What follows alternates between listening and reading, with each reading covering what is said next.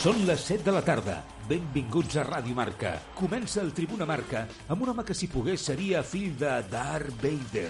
Faria un creuer amb l'halcó mil·lenari. Sortiria de festa amb Han Solo i es pentinaria amb un espasa làser. Joan Prats. Què tal? Com esteu? Molt bona tarda. Benvinguts un dia més al Tribuna Marca. Barça i City s'enfronten aquesta nit al Camp Nou per donar suport a la lluita contra la L i a Juan Carlos Unzué.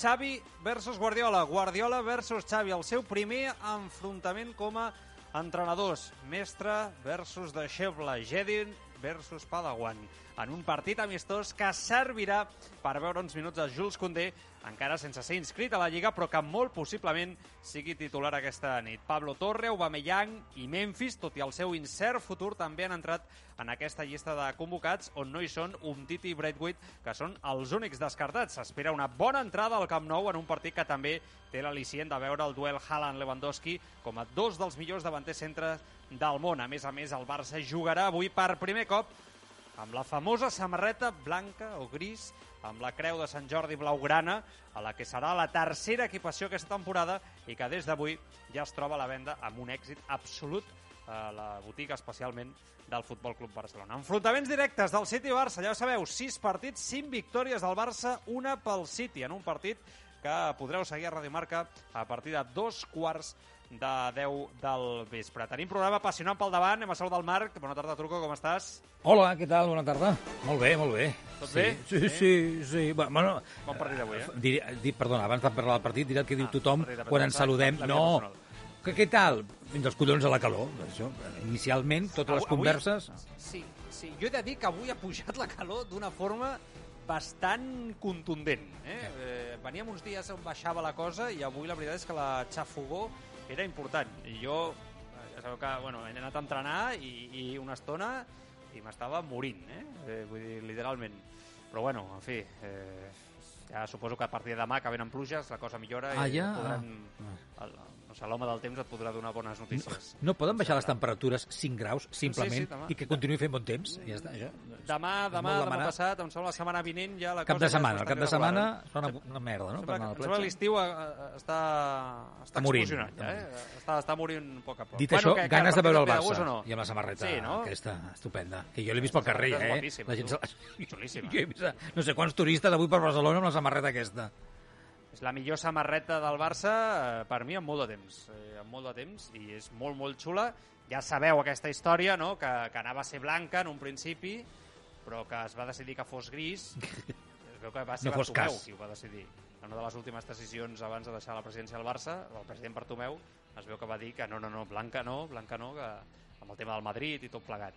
I es va decidir finalment, doncs, com dic, que, que fos grisa. A mi m'agradava més blanca, algunes de les imatges. A més, hi ha algú, amb aquestes coses que passen, l'has aconseguit, no? La, la, no sé com, com nassos, aquestes proves de samarretes acaben al mercat i hi ha qui les compra. Jo desconec aquest mercat eh, subterrani no? que hi ha per allà, però bueno, en qualsevol cas és evident que, que és una samarreta que molta gent té la blanca i que evidentment la grisa és la que la gent està comprant i jo crec que serà una samarreta molt venuda, no ens enganyem, en una temporada molt il·lusionant. I jo espero sincerament que avui el Barça al Camp Nou rebi a Pep Guardiola, ja sé que ha vingut ja en altres ocasions com a entrenador, però escolta, en un moment on el Barça està lluitant per recuperar allò que Pep Guardiola va instaurar també, no? aquest model futbolístic, aquesta essència, no? el millor Barça de la història per mi, sense cap mena de dubte, que avui el Camp Nou rebi d'una forma molt especial a Pep Guardiola. Vull dir, és que eh, estem parlant d'una persona que va canviar el cicle de les coses, que va canviar el futbol en el seu dia, no? Eh, va fer que els rivals s'haguessin d'adaptar i que va marcar una tendència única amb un model de, de joc que després va, estar, va ser este, eh, eh, no diré copiat perquè potser és, és excessiu, però sí que és veritat que es va ser inspirat el de la selecció espanyola en aquell Barça i va guanyar Eurocopes i Mundials. Per tant, escolta, té un mèrit enorme tot el que va fer i, bueno, veurem si algun dia torna a Camp Barça o no, però ara està fent una gran feina i espero que el Camp Nou avui tingui també un detall. I, evidentment, Unzué i la L són els grans protagonistes, és un partit amistós, moltes vegades aquests partits amistosos bueno, tenen el que tenen, no? És, molts canvis i al final tenen poc, poc reclam esportiu, no? Però escolta, poca broma. O sigui, ve Guardiola, ve Haaland... No sé, jo veig un gran espectacle, truco, avui.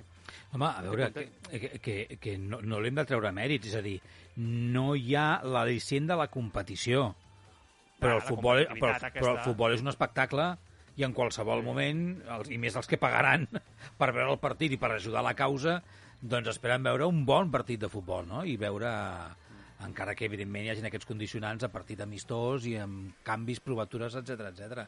Jo, jo espero, jo, jo espero disfrutar no només per la samarreta, eh? no només per, per veure la Sí, imatge sí. de tot l'equip amb la samarreta, sinó espero disfrutar i, i espero veure el Barça, m'entenem el que vaig a dir ara, eh? patint i sobreposant-se. Jo crec que el Barça avui guanyarà. Sí, no dic que no. Més, em, fa, em fa la sensació, eh, una mica... Vull dir, lluitant, serà que sigui un partit llu- lluitat. Sí, hi haurà certa competitivitat. El que passa és que el City juga molt, el Barça juga molt també el cap de setmana, vull dir, aquests partits al final... Dins de- dins de tot això, sí, però, sí, sí. però sí que és veritat que el Barça es troba en un moment ara mateix on eh, qualsevol partit amistós, jo crec que va ser el partit davant del Madrid, també a Las Vegas, no? El Barça ha de demostrar no? que, que està lluitant per tornar a estar no? en, aquest, eh, Exacte. en aquest punt.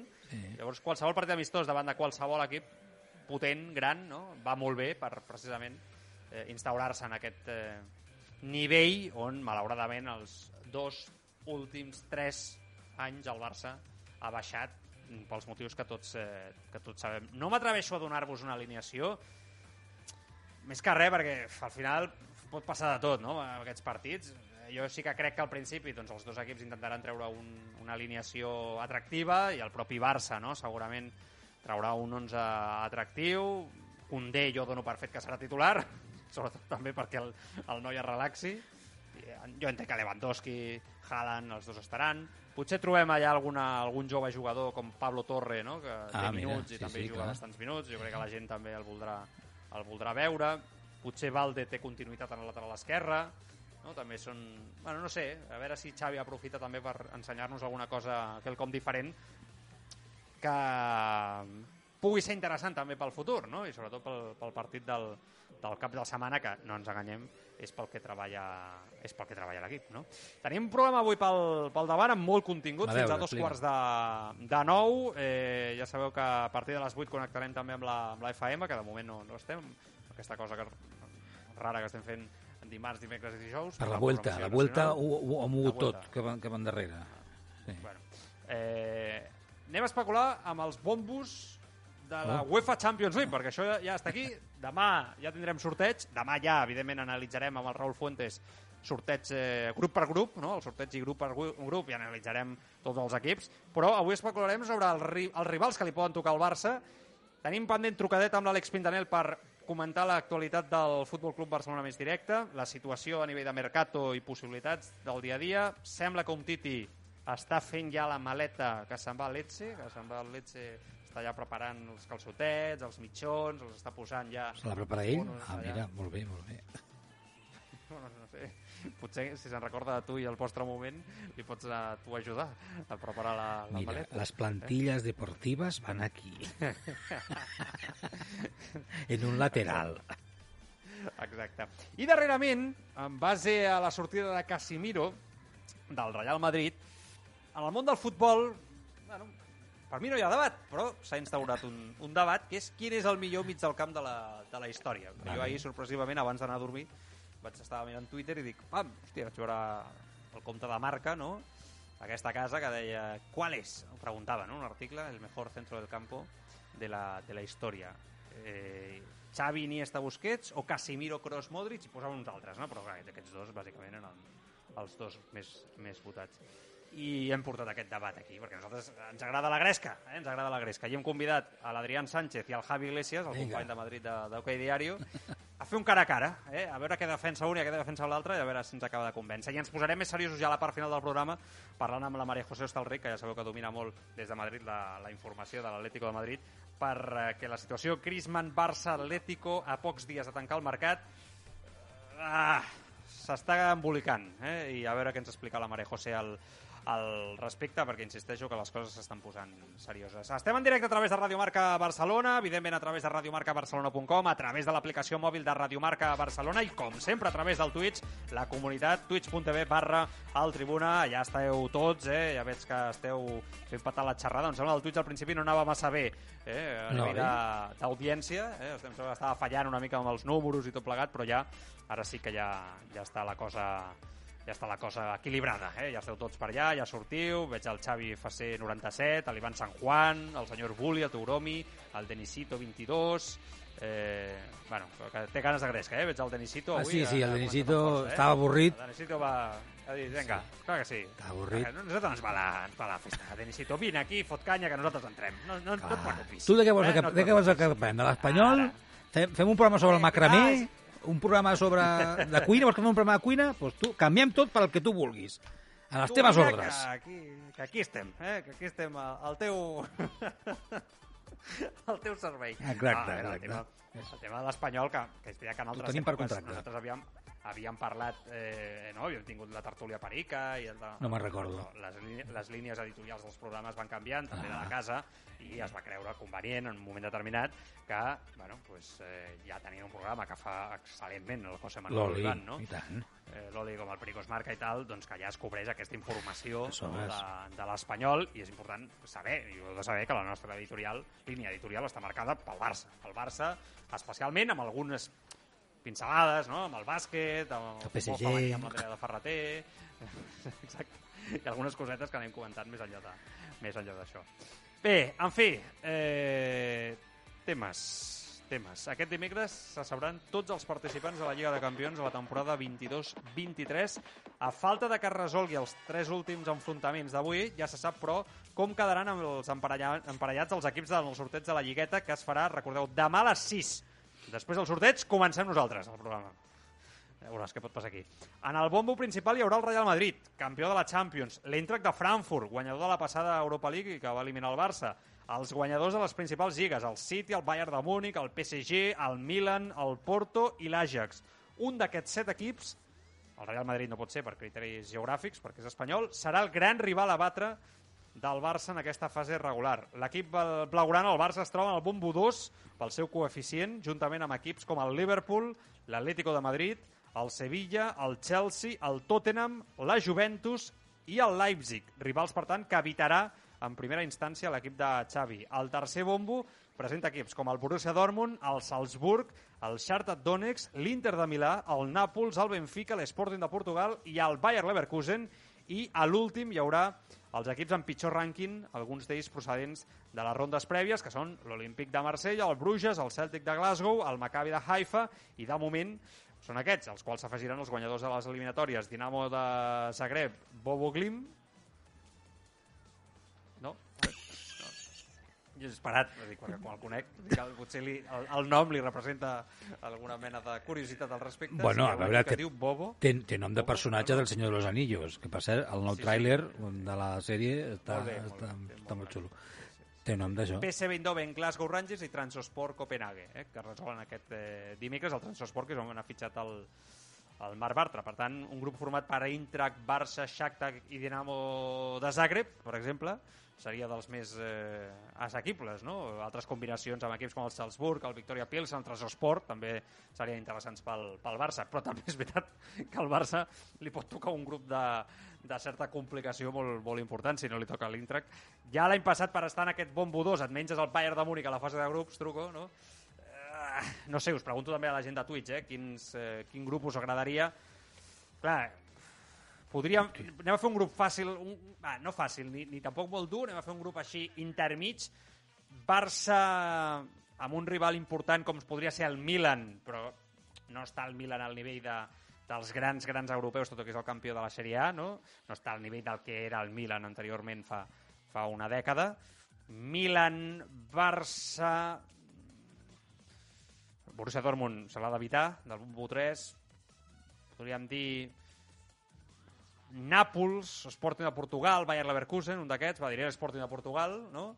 I a l'últim, bombo, pues, no sé, un Celtic de Glasgow, que a mi sempre, sempre m'ha caigut molt bé, no? El Celtic. Seria, jo crec, un grup, no? Compres, truco, atractiu, interessant a nivell de partits i el Barça a priori favorit, no? Sens dubte per, per passar. Això seria el desig. A veure si toca demà. A Eh? veure. Apuntat, perquè, i, i jugaré a la loteria, eh? Si Jo- Milan, de Portugal i Celtic. El desig que tindria... Vull dir, posats a desitjar... Desitjaria com li ha tocat a Vols vegades... fàcil. Exacte, com a vegades li ha tocat al Real Madrid. Que, que, que No sigut... sé, eh? Per què no? Per, sí, perquè, les, Però la gent no ho sé, eh? perquè aleshores... Hi ha la teoria aquella de que aleshores es- s'adormen. És per això. Però mira, aquí hi ha un oient, l'herba que diu el grup, quanto más fuerte mejor. Vull dir, jo, jo crec que ara mateix, amb l'equip que té el Barça, ostres, em, em dóna la sensació que la gent està, està esperonada. Vens de guanyar la Reial Societat, vens d'haver donat... Ja no guanyar la Reial Societat, sinó que a la segona meitat dones un cop a sobre la taula, per primer cop en molt de temps, amb un ventall de talent extraordinari en atac, no?, que pocs equips eh, poden revolucionar així un partit com ho va fer el Barça en aquest sentit. Més enllà de, evidentment, les carències que té el joc del Barça, que encara ha de millorar. Jo crec que la gent té ganes de tornar a mirar cara a cara als grans equips europeus i guanyar. L'any passat sí que Però volia ja- el més fàcil possible. No, ja, ja, ja. Però ja, Jo crec que sí. Jo crec els que primers partits de la Champions... sí. Jo crec que sí. Jo, crec... jo prefereixo grans partits sempre que abans de partits eh, més fluixos o amb rivals més joc, perquè em, se'm fa més atractiu. També perquè em dedico a això i suposo Sí, que clar. tot ajuda, no? Doncs, Però, però jo crec que el Barça, i jo crec que el propi Xavi, el propi cos, tècnic, que està confiat amb la feina que està fent, té ganes d'un grup que, escolta, admiro els ulls, sóc el Barça. Pateix perquè sóc el Barça més reforçat i estic recuperant-me. Jo crec que és important, això. Eh, L'any passat recordeu que el Barça va quedar eliminat de la Champions a la fase de grups, eh? Poca, poca broma, això. No sé, no, Ja, però va, va començar tot. fa ja. aquesta sensació, puc estar equivocat. Sí, no, no, que no dic que no, que jo, vull dir, aquest punt de vista més romàntic, doncs, doncs si vols també m'hi pu- m'hi puc sumar, però jo preferiria que fos un increixendo al llarg de la Champions. Vull dir, jo ja sé que els rivals potents, si, si arribem, ja ens els trobarem. Ja ens els trobarem. El, Segur. el, no? els, els, els quarts, a les semis, a la final, etc etc. Per tant, no sé. Més que, més que res, perquè jo sóc conscient que el Barça necessita encara construir-se. Encara que tinguem jugadors que ens, que ens però també es construirà jugant amb grans equips a Europa, eh? Perquè Ja, però això si- són proves de foc però si tomben- que la Lliga no tens. Saps què passa? És que encara tinc dubtes del tema mental del Barça, més enllà del tema futbolístic. Sí. I em fa por que arribem a la aquest. Champions pensant que uh, uh, uh, i ens tomben i eh, trobem un equip que... És un tema molt... No, és que és un tema molt interessant i és un tema que em consta que a la plantilla i a l'equip, al cos tècnic especialment, li han donat voltes. Líders, no? caràcter. De fet, jo, és un, un tema que ara quan observo els jugadors que el Barça pot mostrar interès, no? per exemple, el, el Rubén Neves, no? del Wolverhampton, eh, que l'altre dia comentàvem. Vaig mirar el partit del Wolverhampton no? l'altre dia, vaig estar mirant-lo, observant-lo i vaig estar estudiant els seus moviments, el seu caràcter, una mica com, com jugava. Vaig veure, dic, bueno, futbolísticament potser és un jugador que a mi se'm queda una mica curt per jugar al Barça en la posició de, de mig centre, no? de la posició de Busquets. Però sí que vaig veure que té un caràcter, una rauxa, una competitivitat, i vaig dir, bueno, doncs per aquí això li pot donar un plus. Dir, Jo entenc que tinguis aquest dubte, entre cometes, perquè venim d'una etapa amb falta de caràcter, mentalitat fluixa, baixa, i que han vingut uns jugadors que no sabem, no sabem si tenen aquesta rauxa i aquest caràcter. caràcter. Lewandowski sembla un líder nat, ja et transmet coses diferents. Ah, Però aquí segueix, segueix sent una plantilla molt jove i tal. I sí que estic d'acord amb tu en que aquest punt mental et dona aquest plus per competir i que en els moments di- difícils no et vinguis a baix. I l'any passat, la veritat és que l'equip es va desfer en el tram final d'una manera impressionant. Xavi no va poder, no va saber connectar amb els seus jugadors a nivell mental. Es va desfer l'equip d'una manera impressionant. la després de Champions, i a la dos, Champions tres va mesos passar. molt bons. Sí, la Champions va ser lamentable. A l'Europa League, vols dir? eh? Amb la, a la, Perdona, a l'Europa a League, l'Europa la Inter, sí. a l'Europa, sí, sí, allò va ser lamentable. I, i jo crec que els, els jugadors del Barça sortir al Camp Nou i veure que el Camp Nou era més de l'Inter que del Barça, nanos tan joves, els va acabar de desfer literalment, no? No van saber aïllar-se d'aquell efecte, aquella situació estrambòtica per tancar una temporada ja terrible. Hi ha un missatge del, de Niki que diu, si queremos una Superliga no sé por qué queréis rivales mediocres, a mí me ponen más los partidazos. Bueno, esta mentalitat és el que dic jo que una mica crec que hi ha entre l'ent- l'entorn del, del, del Barça, no? Que sí, Eh, que sí. Vamos, que vamos jo, a todas. que jo si voleu també me la Vamos a dejar de pensar però, en pequeño. Però, No, no, però... Hem de, jo crec que hem de tocar, jo no les tinc totes, és a dir, amb tota la confiança, tota l'il·lusió, tota l'alegria que genera el Barça actualment, sóc conscient també que encara han de fer molta Totes feina. no les pots tenir. To no, això és lògic. Totes no les pots tenir. I la Champions és la Jo, Champions. jo crec que hi ha motius de sobre per estar ara mateix ja amb un punt d'optimisme important respecte a com s'ha treballat aquest estiu i com s'estan fent les coses i com està treballant el cos tècnic. Crec que es treballa en la bona línia. Hi ha coses a perfilar? Sí. Podem debatre cada dia durant 20 hores, si voleu, No, no sobre el que ens agrada més o menys. Per això estem aquí i ho farem. I us llegim i ho comentem entre tots. Però jo crec que la situació una mica sincerament, em fa la sensació que és que s'està treballant en la bona línia. A mi, per exemple, a dia d'avui, jo sóc més optimista a dia d'avui, però ja no pels fitxatges, sinó pel que veig, també per les sensacions que transmet la, la, la feina que està fent el cos tècnic amb el propi Barça que el que podria ser en el dia de, no sé, quan va acabar la temporada, la temporada passada, o quan es va obrir el mercat. O sigui, ja no m'aniré tant a quan m'aniré a quan es va obrir el mercat, on el Barça, bueno, sí, palanques aquí, palanques a baix, tot molts noms, però això és possible, no és possible, què? No? Vull dir, aquest és el, el tema.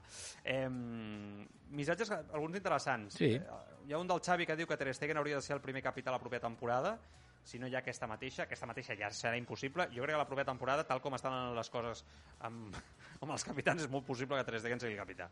Jo crec que no, no bueno, Busquets no hi serà, perquè a més ja, ja ho manifesta obertament. Jo crec que Piqué, tal com van les coses, tampoc. I a partir d'aquí veurem, no? Però em fa la sensació que, que serà que serà així. I després, eh, el Iaio Pep, que el diu lo de Condé, El de Pep. Ara us expliquem coses. Ara parlarem amb l'Àlex Pintanel, que s'incorpora d'aquí 10 minuts al programa, i us expliquem sobre la inscripció de Condé una mica a l'última hora, perquè al final tampoc ha variat molt respecte al que ahir ja sabien d'Aubameyang. Eh, Truco, volies dir alguna cosa o llegim missatges? No, quan vulguis llegir missatges, els que van arribant. Vinga, anem a llegir alguns dels missatges, va, que han anat arribant més enllà d'aquests que he destacat jo ara, eh? Sí, alguns que parlen tot el que hem estat comentant des de les 7 de la tarda. Eh, a veure, mira, per començar, el, bueno, a part d'això, de que el Denisito obria a les 7, a les 7 de la tarda, el primer dient que no, no, no parleu de l'Espanyol, amb tota la informació que hi ha de l'Espanyol, i així com molt enfadat, eh, ja li hem dit que fem el programa que ens doni la gana, però que gràcies per intentar-ho. El Xavi FSB97 deia "Bo- Bona tarda, nois. Diu, avui amb ganes de veure Piqué, Alba i Busquets jugar els 90 minuts. A veure si es donen compte que ja no estan per cobrar com futbolistes d'elit. Hòstia, molt demanes tu, però, bueno, com que és un partit, no? Eh, com el d'avui, igual sí que podrien ser-hi, no ho sé, però tampoc caldria, eh? Salva Terrassa diu, menos mal que ya se os han acabado las vacaciones, os he echado de menos y esta semana me la estáis haciendo más feliz. És un missatge emocionant, que a mi... Eh, que Bueno, escolta, a mi rebre aquests missatges a la vida us ho agraeixo molt, Està eh? superguai. Realment. El Marcel diu, samarreta guapíssima i potser sóc jo, però la veig més blanca que grisa. No és un blanc radiant, però tampoc la veig A veure, gris. És un blanc trencat. en un les, blanc trencat, no? en les fotos sembla més blanca que grisa. Per Però la llum. Quan la veus in situ, és, ja es veu clarament el tema del gris.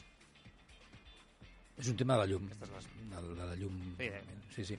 El GK13MC diu, ¿los ojeadores de leche trabajan en la 11? Pregunta, si no, no me explico que quieren a un titi. Bueno, ni tu ni, ni, ells quan arriben a casa, la seva família, Ara, ara, diuen... ara us expliquem el tema del Lecce, però bueno, les condicions en les quals marxa són de vergonya absoluta.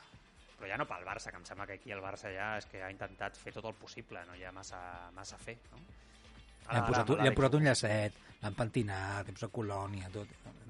Salva Terrassa. Ben mono. Diu, con este equipo da igual quien toque. Si Xavi consigue tener a todos enchufados, creo que tranquilamente estaríamos en semis. Este año los veo más bien de forma Bueno, bueno. física. Ya aguantan 80 minutos apretando. Soy optimista, como el truco y Joan. Sí. Bueno, Però, més enllà d'això, jo amb la Champions, més que, que demà ja en parlarem, eh, quan tinguem el grup i segurament en parlarem moltes hores, però més enllà d'això, jo el que demanaria ja no és guanyar la Champions, que això guanya un cada temporada és molt complicat. Arribar a semis, arribar a quarts, no, jo el que demanaria serà, seria recuperar la dignitat. Vull dir, jo crec que el, el Barça a Europa el que ha perdut és la dignitat amb eliminacions horribles temporada rere temporada doloroses, traumàtiques que han fet mal a aquest projecte, als propis jugadors, a la pròpia, al propi club, ha perdut el prestigi a Europa. Jo només demanaria que el Barça es passegés per Europa amb prestigi. Després pots guanyar, pots perdre, pot venir un Manchester City, que és un equip molt més rodat que tu, millor que tu a dia d'avui, i et pot guanyar. Bueno, escolta, perfecte. Però jo recordo que hi Barça de Rijkaard, que abans de guanyar la Champions a París va quedar eliminat amb el Chelsea de Mourinho. A priori el Chelsea de Mourinho era millor equip i tot i que el Barça va donar la cara, va caure, va caure, va caure, crec que eren quarts de final, si no m'equivoco amb el Chelsea. Però aquella eliminació va ser el primer pas perquè el Barça guanyés aquella Champions després contra l'Arsenal, no? l'any següent. Doncs això és el que li demano al Barça. Tornar a ser competitiu, tornar a Europa i dir, eh, hem tornat. Després ja veurem què passa. Mira, alguns oients ho estan dient, eh? Totalmente Joan, que no nos humillen, o el Marcel que diu, correcte, el Barça no pot repetir imatges com Roma, Liverpool, etc. Ah, clar, clar. I Això, això. no. Després, alguns oients també han deixat no, una mica la seva, la seva proposta de- d'equips. el Marcel, que deia, per exemple, Porto, Salzburg, Marsella, el Xavi, que apuntava, diu, entre PSG, City i Bayern, em de quedo amb el Bayern, dels forts. Com, com? Mm. Eh, el Xavi Bayern amb Lewandowski tornant contra el Bayern, això tindria morbo, eh? Això tindria el seu, tindria el seu... Sí, sí, seu sí. rotllo, eh? Sí, sí. Eh, després, mira, el Leisba que deia, diu, Truco, si te toca un grup fàcil i t'eliminen, entonces què? Bueno, és el que estàvem comentant abans. Bueno, però jo, jo considero que contra un grup, diguem-ne, fàcil, el Barça actualment ho tindrà més fàcil i no se m'enfonsarà. És el que vull pensar. I no vull L'any passat donava la sensació que qualsevol rival a Europa t'eliminava. Vull dir que el Benfica et guanyava, com et va guanyar. Vull dir, no? La sensació una mica en general. Ara mateix, si toca aquest grup que hem dit una mica nosaltres, que un és Porto a Portugal, ara no tens aquesta sensació. Tens la sensació que el Barça, Ara per ara sí. a priori, és inferior al City, al Bayern, a 3, 4, 5 equips. No? Però que més enllà d'aquests, el Barça està per guanyar ja eh, aquest, aquest segon esglaó d'equips europeus, no? Mira, el Sabio diu, que és, ja sabeu que és de la meva secta, diu, yo no veo al Barça como para competir de, de tú a tú con Bayern City o PSG. Eh, Però, és el... que, a veure, segurament aquests equips us heu agafat equips que estan molt fets. Clar, Clar, és... a tope. Liverpool, City, Bayern de Múnich, eh, PSG, bueno, va, us, aquest i Madrid. Jo us diria que aquests són els cinc. Jo la, la resta, potser el Chelsea estaria allà, allà, jo la resta ja els veig mínim nivell Barça. No? Dos últims, ara Pep, que diu, no sabia que éreu a Twitch, us sentia per la ràdio molt bé i enhorabona. Anar un altre missatge d'aquests xulos per posar. Bueno, sí, sí, clar. o, o el Quiqui Tonava que diu, jo comenzaria por los flojitos. Eh? No, ha de ser que... Poco a poco. Poco a poco. No, no me vayas a... No me líes, eh? De ver si nos, nos estamos flipando aquí, eh? Amb la xavineta, que ens hi pugem... Que ens hi la ràpid, xavineta, la- eh? la tinc encara per aquí, jo, si a veure, poso. jo aquesta setmana no he volgut tocar la xavineta, truco, encara. no? Encara no? No l'he volgut tocar. Val, val, val. La tens aquí preparada, Sí, no? sí, sí, aquí sí, preparada. sí, sí. A veure, una miqueta de xavineta, encara, allò, perquè només he guanyat a la Reial Societat i tal, i encara... Ah, ahí està la xavineta, la nostra, eh? Ja sabeu. És aquesta, eh? Vinga, ahí està. És que... Vinga, ja, para-la, Ja, para-la, para, para-la, para. que, para-la, para-la, para-la, que encara no és moment de treure del, del garatge la xavineta, però això, això ja la vam treure, la vam tornar a tancar, hem fet reparacions, i la tenim allà preparada per en qualsevol moment sortir amb la xavineta per l'autopista, eh, ara perquè els peatges la majoria... Tot i que he llegit que volen tornar a posar-los de pagament, els peatges. Sí, No, Es he veu. vist alguna cosa també, jo no ho Estàs encantat? Bueno, no, que es viatja ara per No? Catalunya. Ja t'ho explico, no, no, no ho entens? No. Fàcil d'entendre, eh? Sí, sí, home, sí, però si, si, si amb prou feines hi ha algunes autopistes que encara estan desmuntant Ah. l'estructura dels peatges i ara és la notícia de que estan pensant el gobierno ja en poner peajes. No, cagar, home. Sí.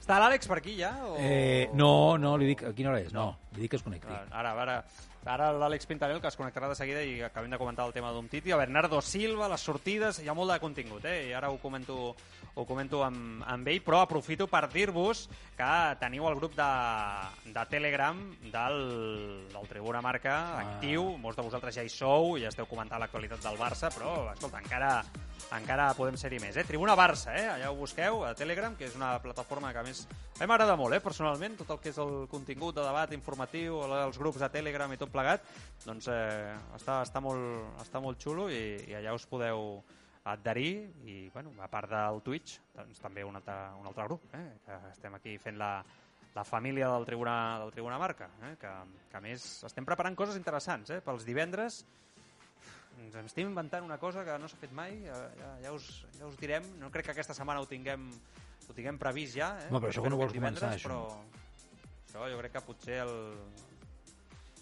el, el 2, no? El 2 de setembre, no? Potser seria 2 un de setembre ja. Això és la setmana que ve. Sí, home, l'altre, sí, jo crec que ja podríem començar... Bueno, fer show, que és el que ens va a nosaltres. Eh? I, i a veure, i a veure. I al, alguns de vosaltres m'heu preguntat també per, per xarxes socials, no? Si el, si el Quique tornarà aquesta temporada. Eh, estamos negociando. Eh, està, està al mercado. Hem de parlar amb ell encara. Sí, sí, Sí, exacte. A veure, però bueno, Quique un tio que... Segur que, ganes segur de, que tornarà.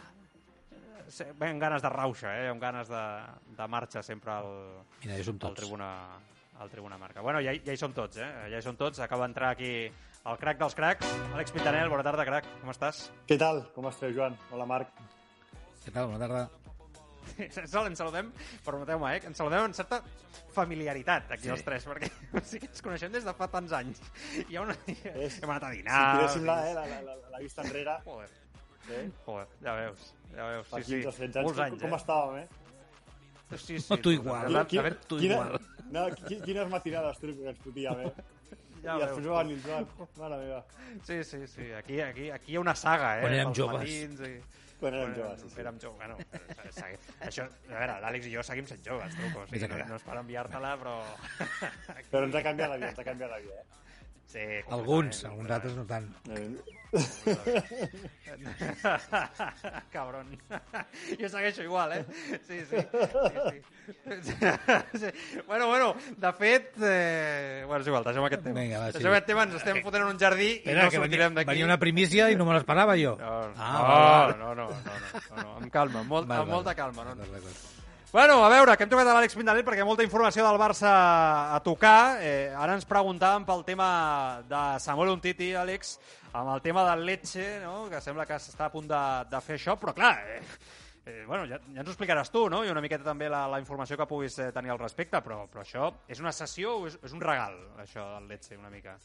Bé, jo, jo crec que és un regal. Eh, jo el Barça, veurem quan ho faci oficial com ho formalitza, però la veritat és que el Barça pagarà el 100% de la fitxa d'un tití, no? Per tant, eh, no, no, no, no sé com... Bueno, és, és eh, per no veure-hi la cara, entenc, no? Que, que, que deu ser el que fa el, el Barça, Xavi, no, no el vull ni en pintura, m'és igual que, que marxi i el Barça hagi d'assumir la fitxa, però el que no vull és veure a Samuel Umtiti cada matí a la ciutat esportiva, no? Per tant, un cop el Barça ho formalitzi, perquè crec que Samuel Umtiti, si no ha viatjat avui, ho farà en les properes hores eh, per firmar el seu eh, acord de sessió amb el Lecce durant una temporada, i ja et dic, a veure com ho formalitza el Barça, però és cert eh, que, que conjunt blaugrana pagarà el 100% de la fitxa de- d'un tití. És cert, recordeu-vos que, que, que l'any passat eh, eh, un tití renova el seu contracte a la baixa Sí, sí. Eh, per diferir el salari, per tant és cert que eh, bueno, és una fitxa assumible en, en aquest aspecte.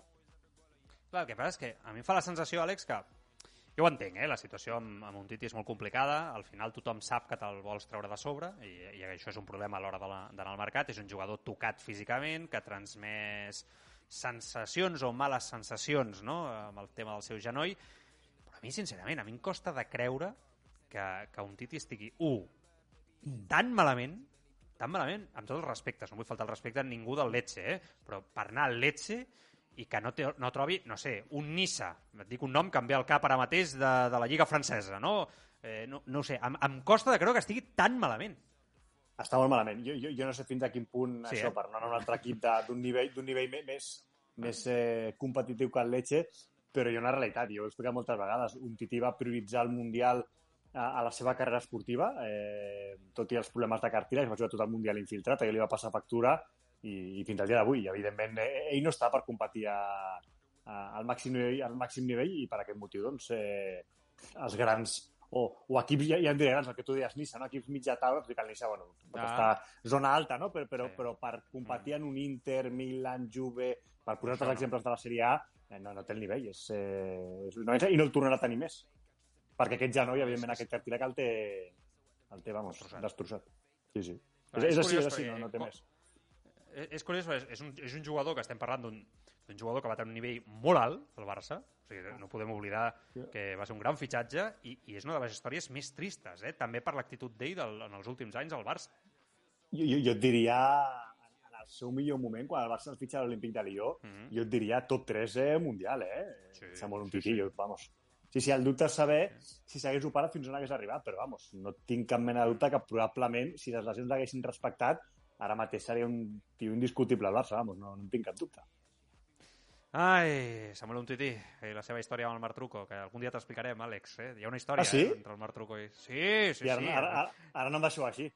No, si l'hem explicat, l'hem explicat moltes vegades. Sí? Hi ha, hi, ha, hi ha un shooting per una marca, el, el Truco dirigint el shooting, compte, Samuel Umtiti sense somriure, tot el shooting allà, bueno, ja saps eh, com són els jugadors de futbol, no? Sí. Tu saps millor que nosaltres. Allà i tal, i eh, el Truco, o sigui, fent-li bromes, conyes, fent un espectacle pràcticament particular per Samuel Umtiti perquè aconseguissi somriure. Bueno, perquè estigués content i s'ho passés bé en el shooting, perquè si no, les fotos I no, es no vas nota. aconseguir. Bueno, vam No arribar. vas Sí, aconseguir. no? Sí, bueno, vam arribar fins on vam arribar. Un titi dona el que dona, també, eh? Mm, Vull dir que... Però bueno. És, és veritat, que, Àlex, que quan veus els jugadors de futbol de prop i els coneixes fora d'una mica és l'àmbit, que és una cosa que tu també has fet, no? t'adones que, és veritat que hi ha nanos com, ostres, no sé, el cap a Sergi Roberto, no? que, que són persones que se m'entengui, eh? molt més normals, molt més properes, amb les quals pots tenir una conversa sense cap mena de problema i que, tot i que són multimilionaris, joves, pràcticament com estrelles del rock, no passa res, però que després hi ha una altra que sí, que hi ha una corda de jugadors que són això, que ells es creuen que són el que són, que són inaccessibles, que viuen ells, que es creuen, no? Estan per sobre del bé i del mal i que després és que eh, és això, vull dir que, que a vegades estan molt allunyats del que és la realitat i això no ajuda tampoc a que els vestidors, i ho hem viscut al Barça, acabin de funcionar. I a vegades no jugadors de primera talla mundial, jugadors que creuen que són de primera talla mundial. També passa amb altres clubs, eh? I jo, jo que, bueno, anys que porto en això he, he fet molts amics eh, jugadors i, i mantinc la- l'amistat amb molts d'ells. Eh, és veritat que, que hi ha de tot, però, però hi ha jugadors també que són accessibles i jo et dic, jo, jo tinc eh, relació amb jugadors fora de, de l'àmbit professional i per tant eh, no, no, tot és el que a vegades eh, el que a vegades veiem, eh? Però és veritat, en aquest Bueno, aspecte, que- per mi, eh, l'entorn és fonamental, eh? L'entorn que tinguis, eh, Bàsic. la família que tinguis, la gent que tinguis al costat, per mi al final és eh, clau en com gestionis tu el teu èxit eh, i en com gestionis tu la carrera esportiva. Sí, sí, totalment, totalment.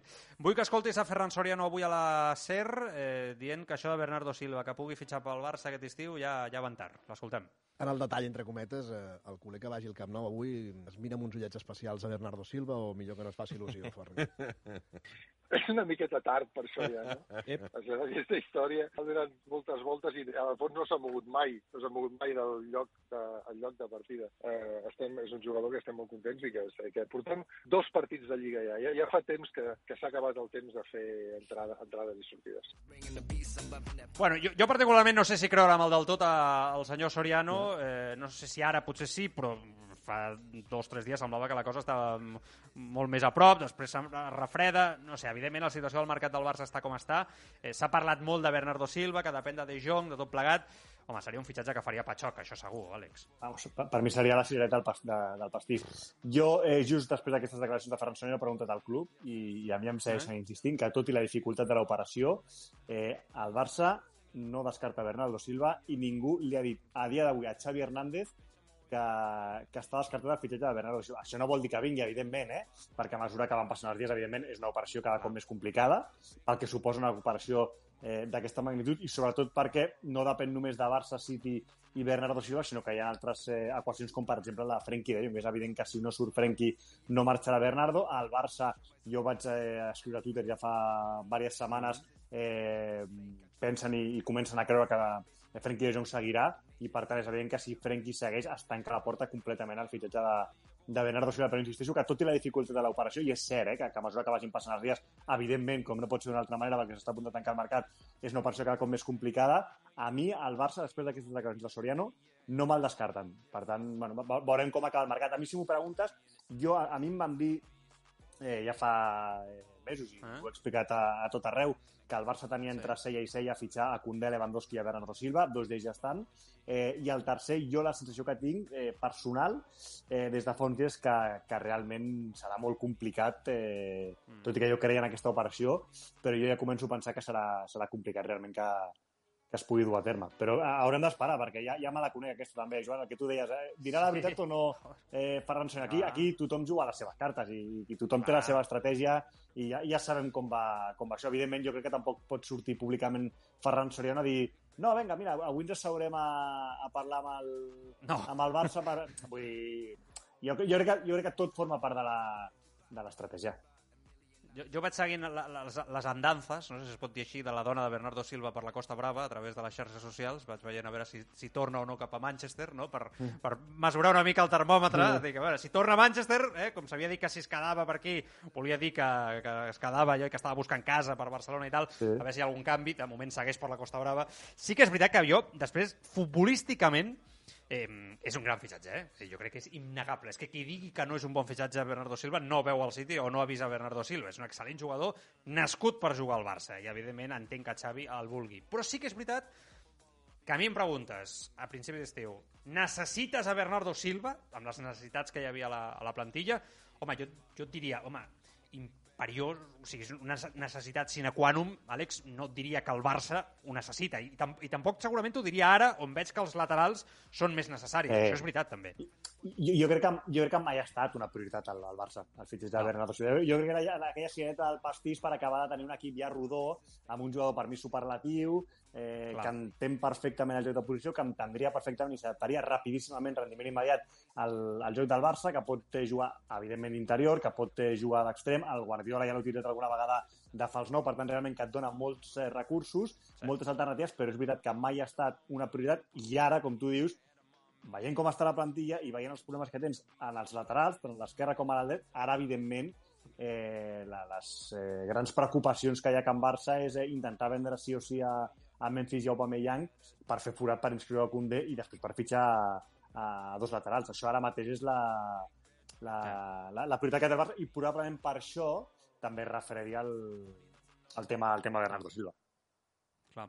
Eh, bueno, va, vaig obrir el, el meló dels laterals i preguntar-te per, per això i a veure com ho veus i, i aquí fitxaries tu també, hi ha una, una mica opinió personal, no? també, perquè tampoc hi ha tants laterals al mercat que puguin eh, servir ara mateix al mercat per jugar, per jugar al Barça, més enllà dels noms que, que tots coneixem i que, estan, i que estan sortint, i després jo crec que això va molt barrejat, com tu dius, amb el tema Memphis-Aubameyang, Avui hem vist una venda d'Isaac, que després la comentarem, de 70 no, no. quilos al Newcastle. Vamos, estan zumbats, ja t'ho dic.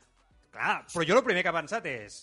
Vale, a veure, ja sé que això no està relacionat, eh, una cosa o l'altra, però a Isaac Aubameyang, Aubameyang està pel davant, punt. És Premier sí, sí. igual, vull dir, és el Chelsea el que et ve. Vull dir, si, si Isaac costa 70, què costa Aubameyang? Quan costa Aubameyang, no? Sí, sí. És a, les preguntes que ens fem. Sí, sí, sí, sí. És una operació, jo la, la que estic flipant, sí, sí. I, flipant, i sí, flipant. eh, la d'Aubameyang que es podia tancar entre 25 i 30, explicava avui el Gerard Romero al, al seu Twitch a Gigantes mm. que aquest matí, havia, aquest migdia hi havia hagut una, una reunió per acabar de, de tancar.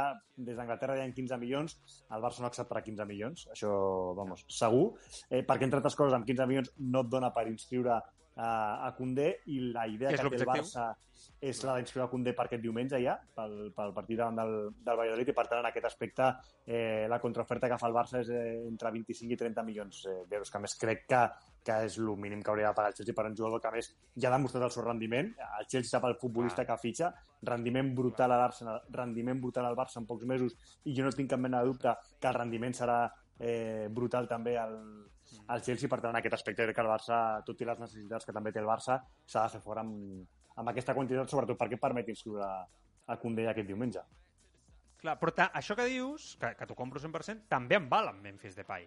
Ja, ja sé que les circumstàncies són diferents, eh? però eh, al final eh, Aubameyang ve lliure no? eh, i, sí. i promets un gran sou a partir d'aquest setembre i tot plegat, però fa uns grans sis mesos que li van de conya al Barça, sobretot per entrar a Champions, que és el gran objectiu, estem tots d'acord, però Memphis Depay ve lliure també, a principi de temporada, és un davanter d'un nivell segurament inferior al que és Aubameyang, però també és un bon jugador, i és un jugador que té marcat, té nom, a mi personalment no em desagrada Memphis Depay, és un jugador que potser, sí. evidentment el veig per sota dels davanters que té el Barça, però trobo que és un bon professional, un jugador apte per ser davanter, sobretot com a segon punta o un, un jugador més escurat a banda d'altres grans eh, equips europeus, no? o altres equips europeus.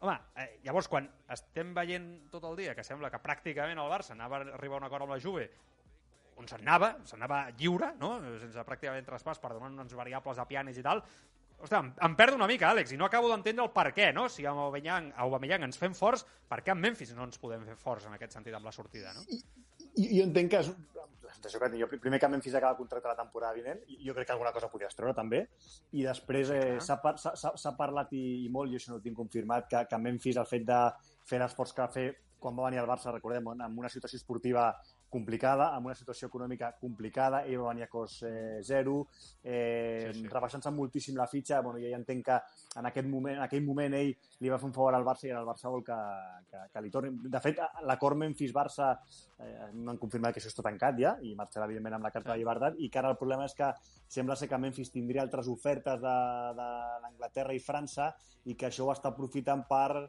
eh, demanar-li Negociar. més pasta a la Juve, no? No. Eh, veurem, veurem. Al final, mira, per, per sort, s'acaba el mercat en una setmana. Eh, D'aquí 7-8 dies sortirem de, de dubtes, però, però és cert que entenc que Memphis el fet de tenir altres ofertes eh, millors, doncs ju- juga amb això. Ara, jo la sensació que tinc, i si em dius a dia d'avui, escolta, sortirà Aubameyang i Memphis, jo la sensació que tinc a dia d'avui és que, que sortiran els dos. La sensació que tinc jo, eh?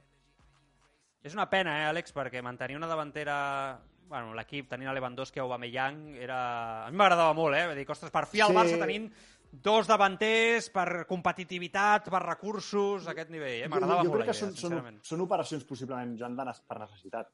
Jo Sí. crec que és una operació de necessitat, no, no, no tant una operació eh, per rendiment esportiu, sobretot en el cas d'Aubameyang, que jo crec que el rendiment esportiu, vamos, eh, ningú pot dubtar de- del rendiment de- d'Aubameyang. Fixa't que l'altre dia remuntes a Sant- Sebastià eh, i deixes la banqueta Memphis i Aubameyang, que et valen eh, Rafinha i Jansus, que te- tens moltes variables a dalt. Tens, Moltes, moltes. Eh, i, I en cas entendre que marxin ells dos, doncs eh, es quedarà l'Abde, no? Per tant, jo crec que tens un ventall d'opcions brutals a, a dalt i, i si la necessitat t'obliga a vendre aquests futbolistes per inscriure a Koundé i poder fitxar els laterals, eh, doncs, evidentment, ara, ara tens altres urgències. I jo crec que a dalt, evidentment, si quedés Aubameyang millor que millor, però a dalt jo crec que, que en aquest aspecte va servit. Algo que no faria jo, per exemple, que s'havia dit, és fitxar un altre davanter centre d'un perfil No, més baix. no, vamos. Si marxen aquests. Jo això no ho faria, per exemple. S'havia dit, eh? s'havia dit això. No, jo, jo, jo, jo i perquè tens a, i perquè tens Abde. Eh, jo, jo tinc claríssim Ah. que ara la, la, la prioritat eh, vendre Aubameyang i, i Memphis per poder inscriure a, a, a Koundé i per poder fitxar els laterals. Clar, jo, clar, per, clar. jo tinc claríssim que encara han de ser els objectius en aquests últims eh, 7-8 dies. Clar, laterals, aquest és un altre tema. eh, Clar, de noms, Mm. molts, Juan Foyz, no? Eh, que, que aquest és un bon jugador, però bueno, també és veritat que és un lateral reconvertit, però bueno, és veritat que ha donat un bon rendiment al, al, al Villarreal, no? Està el tema de Munier, que també és un jugador... Bueno, potser defensivament és una mica cromo, Munier, però bueno, és igual, va, eh, comprem la, la, la idea de que agrada Xavi i que agrada el Barça. Però clar, aquí al final, lateral esquerre, Marcos Alonso refred, està el tema de Javi Galán... Eh, qui- jo, sincerament, eh, jo, ho vam dir ahir amb la Vanessa de, amb la Vanessa de Lucio, la sensació una mica és que el tema lateral, Àlex, és que era, prioritari des del dia 1. O sigui, jo, aquí és l'únic... Jo crec que Sí. s'han fet les coses molt bé, però això, aquí sí que crec que les coses s'han adormit amb aquest tema, sincerament. Fixa't que el Barça tenia clar que el lateral era Pilicueta. I el Barça tenia parlat Ja, ja, Pilicueta des del mes de març, el tenia tancat, el tenia paraulat, i desconec els motius, si algun dia parla potser ho explica, eh, Mm. pels quals Pilicueta decideix no esperar al Barça i renovar el seu contracte amb el Chelsea. Però el Barça ho tenia fet amb Azpilicueta, eh, més que tancat, més que lligat, i en aquest motiu el Barça dona per tancar l'operació Azpilicueta, eh, es trenca quan es trenca, o Azpilicueta decideix trencar-la, i a partir d'aquí el Barça doncs, es posa a buscar. Eh, jo entenc que el Barça en aquest aspecte, si tens el fitxatge tancat eh, i retancat, doncs no ho busquis, i en el cas del, de lateral esquerra eh, sempre ha sonat molt eh, Ma- Marcos Alonso. És una operació que si realment no s'acaba fent serà per un tema econòmic, perquè l'acord amb el Chelsea, amb el jugador eh, i el. Barça és, eh, és total, no? Per tant, apareix l'opció Javi, Javi Galán, que econòmicament és eh, millor. També et dic una cosa, tant laterals esquerra com laterals drets s'assemblen a us com, eh, a us com a castanya. Vull dir, són, són jugadors, per perfils, eh. Galán, Marcos Alonso, clar. a veure, i Foyt, eh, amb, amb Menier i, Clar. i Bellerín, que tampoc tenen res a veure, no?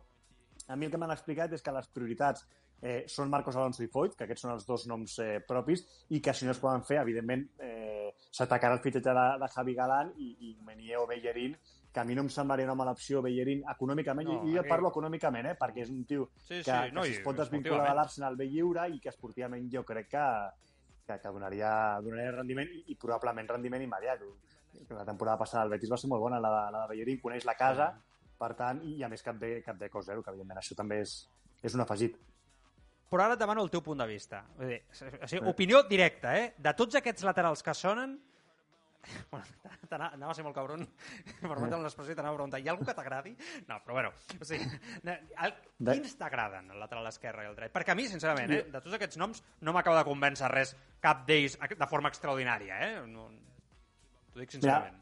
A mi de lateral esquerra m'agrada Marcos Alonso, sobretot per la, per la, per la projecció en atac. És veritat que potser en defensa pateix una, una miqueta més. I jo, si em Mm, preguntes, a perfil. fitxaries? Del... sa- sa- Sabem que hem de fitxar a un lateral esquerre. Em dius, a qui fitxaries? Jo et diria Marcos Alonso. I al lateral dret, eh, a mi m'ha sorprès molt aquest inici de temporada Juan Foy. Crec que està rendint a un nivell brutal i, i això de, bueno, central reconvertit a lateral, bueno, però, jo, per, per, per mi amb conceptes eh, més assimilats que, per exemple, Araujo o, o Koundé. Les, bueno, i a més, Koundé ja ha dit, i li ha transmès a Xavi, que ell, en moments eh, puntuals, sí, però que no vol ser no vol, estar, no vol ser la, la, la peça fixa en aquell lateral dret. No? I, per tant, a, a mi, Lògic. si em preguntes, tu qui fitxaries? I, mm, eh, sense tenir en compte la- l'apartat econòmic, eh, que evidentment també influirà i molt. Però si Home. tu em preguntes, a mi personalment, eh, per rendiment esportiu, jo fitxaria a Marcos Alonso i a, i a Foyt. És interessant. Que passa, eh, Tu, tu, t'agrada Javi Galán? O sigui, aquest debat amb els oients el tenim aquí cada dia i tal. A mi em costa, eh, sincerament, em costa. A mi em genera dubtes. A mi em genera dubtes. I és veritat que, que bons- partits, ha combinat bons partits amb, amb els partits, però uf, Contra el Barça no. per mi, per mi no un lateral tan ofensiu com el que necessitaria el Barça, per la manera de jugar del, del Barça, eh, i després que jo sempre ho dic, i és una realitat, i no és el mateix jugar al Celta que jugar al, al Barça, i sobretot el nivell d'exigència i la competitivitat. Aquí sa, sabeu com som, aquí. Eh, I aquí a la que el primer partit... Destruïm persones. Vamos, és que se'l carreguen ràpid, no? I per tant, Sí, sí. no sé. Eh, Està- està em sembla I- que té més i després personalitat jo- també Marcos Alonso. Després hi ha un nom que és Sergi Llodés, un jugador que eh, va ser fitxat, jo crec, amb, amb molta esperança no? en el seu dia, venint de l'Ajax, una escola, per tant... I una molt bona operació, sempre, diria, una econòmicament. bona operació, econòmicament, li treus el Bayern de Múnich i, i, i, i bueno, jo crec que hem passat al, bueno, és un jugador jove, ja veurem el, el que directament Xavi és que, bueno, és que ni el convoca, o sigui, li, li, li ensenya Clar. la porta. Jo, jo tan, tan, tan dolent... O, bueno, Jo- formularé la pregunta diferent. Mm, De veritat no serveix Serginho des pel Barça? A, a mi m'han dit que estan desesperats, que, que, que li costa molt assimilar els conceptes tàctics, eh, entre, paral eh, entre cometes, que és una mica empanat. A partir d'aquí també et dic una cosa. Jo no sé fins a quin punt eh, pot canviar la situació de Dest si es queda. És a dir, jo crec que el que està fent Xavi ara, evidentment, és una mesura de pressió total, màxima, cap a, cap a Serginho Dest per, per convidar-lo a sortir, per dir-li per dir no seràs important. Ara, d'aquí a que no jugui tota la temporada en cas de que, el, de que es quedi, jo, jo crec que és un cas eh, diferent al d'un Tití o al de, o al de Braithwaite, que saben que si es queden no jugaran. De fet, el Barça es planteja deixar-lo sense dorsal. Per tant, jo no sé fins a quin punt eh, és una mesura de pressió eh, perquè abandoni el, el vaixell. No? Va- Veurem quin paper té o, o, o què pensa Xavi un cop eh, es tanqui el mercat de fitxatges si Des finalment s'acaba quedant. Però sí que és cert que estan desesperats per, pel que li costa assimilar i acceptar tots els conceptes tots els conceptes tàctics. És una mica despistat. És interessant això que dius, eh? A més, eh, aportes un punt de vista diferent, no?, en aquest sentit, que li costa... Bueno, més, eh, sempre és important, no?, tenir informació de dins, evidentment, i, i et fa veure un altre punt de vista. El que passa és que, bueno, doncs llavors, si és així, potser l'has de cedir. Vull dir, saps què vull dir-te? L'has de cedir no, i no l'has de traspassar o una sessió perquè es vagi rodant, tingui minuts i vagi millorant. No ho sé, eh? Proposo, Àlex, m'entens? Sí, po- podria, podria ser una.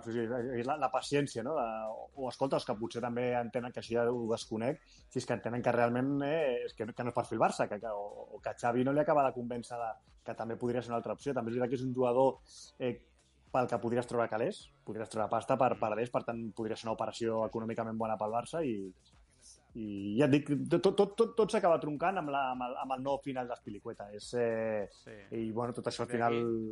Sí, sí. I aquí és quan, quan se li complica realment al Barça aquesta posició de, de lateral dret. Però ja et dic jo tinc ganes de veure el paper de, de, de Dest si si s'acaba quedant, eh? Sí, a mi, és que em fa sospitar que el Bayern de Múnich eh, estigués interessat fa dos dies encara, no? Eh, I preguntés per Des i sembla que hi hagués cert interès. Eh, el, jo, sabem que el Bayern eh, s'equivoca poc en els fitxatges, no? En aquest sentit. Vull dir, eh, em fa sospitar, més enllà del, del que podem veure nosaltres eh, veient els partits del Barça, que el Bayern de Múnich vagi tan errat no? a l'hora de tenir un interès en un jugador com, com aquest. No? Però bueno, eh, el tema Pablo Torre, mm, entenem que es queda, eh, perquè aquest, aquest sí que va sobrat, i jo sí que el veig perfil Barça 100%, però clar, té una competència al mig del camp aquest noi, amb 19 anys, ferotge, no?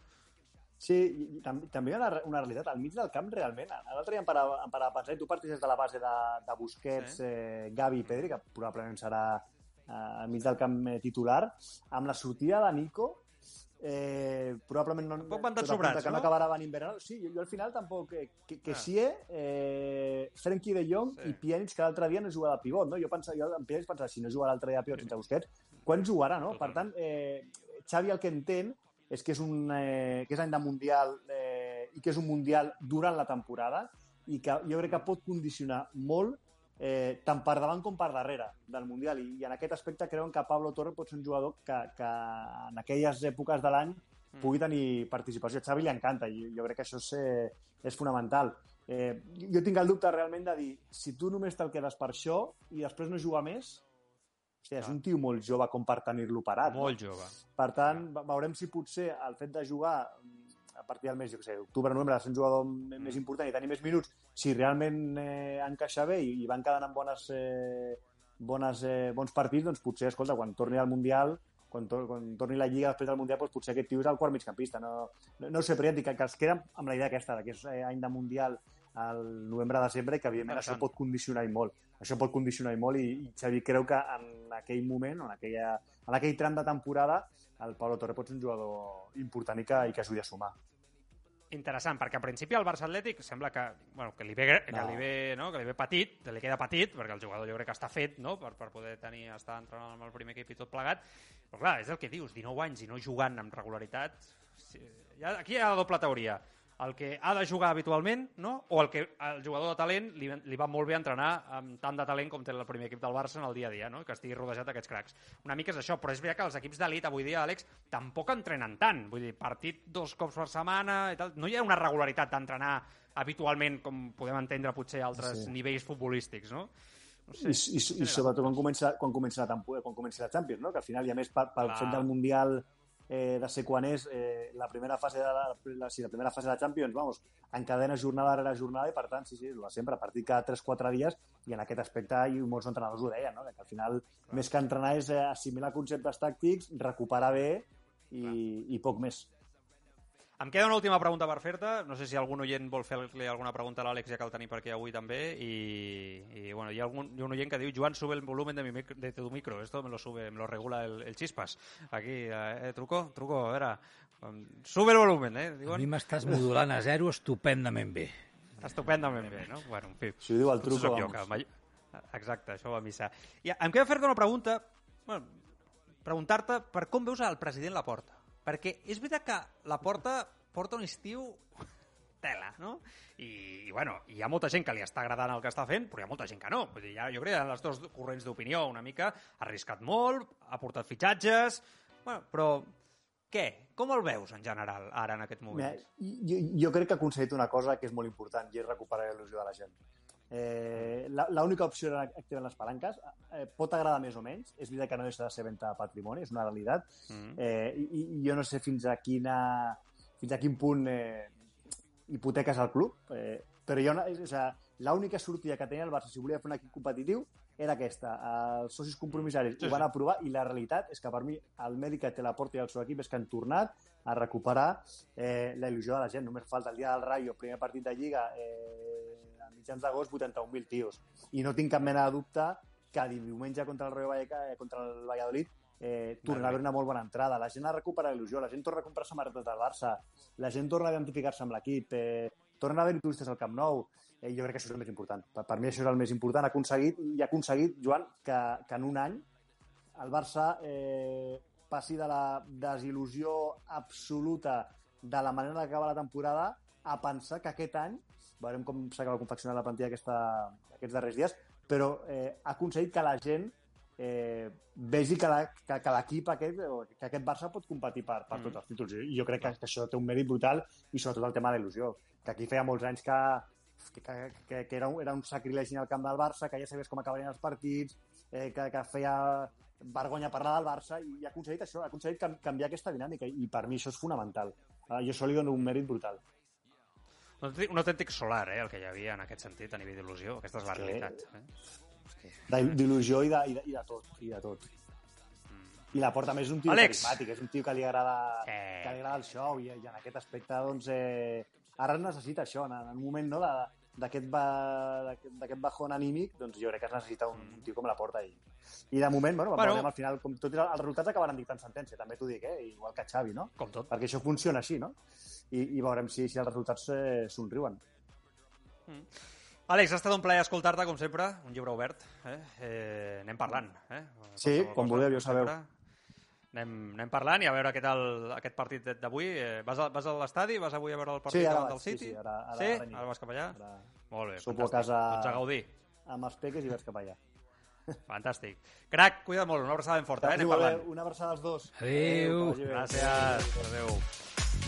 A l'Àlex Pintanel, que ens ha acompanyat en aquesta estona llarga de, de ràdio, fent bueno, el repàs, no truco més directe de l'actualitat del, del Barça.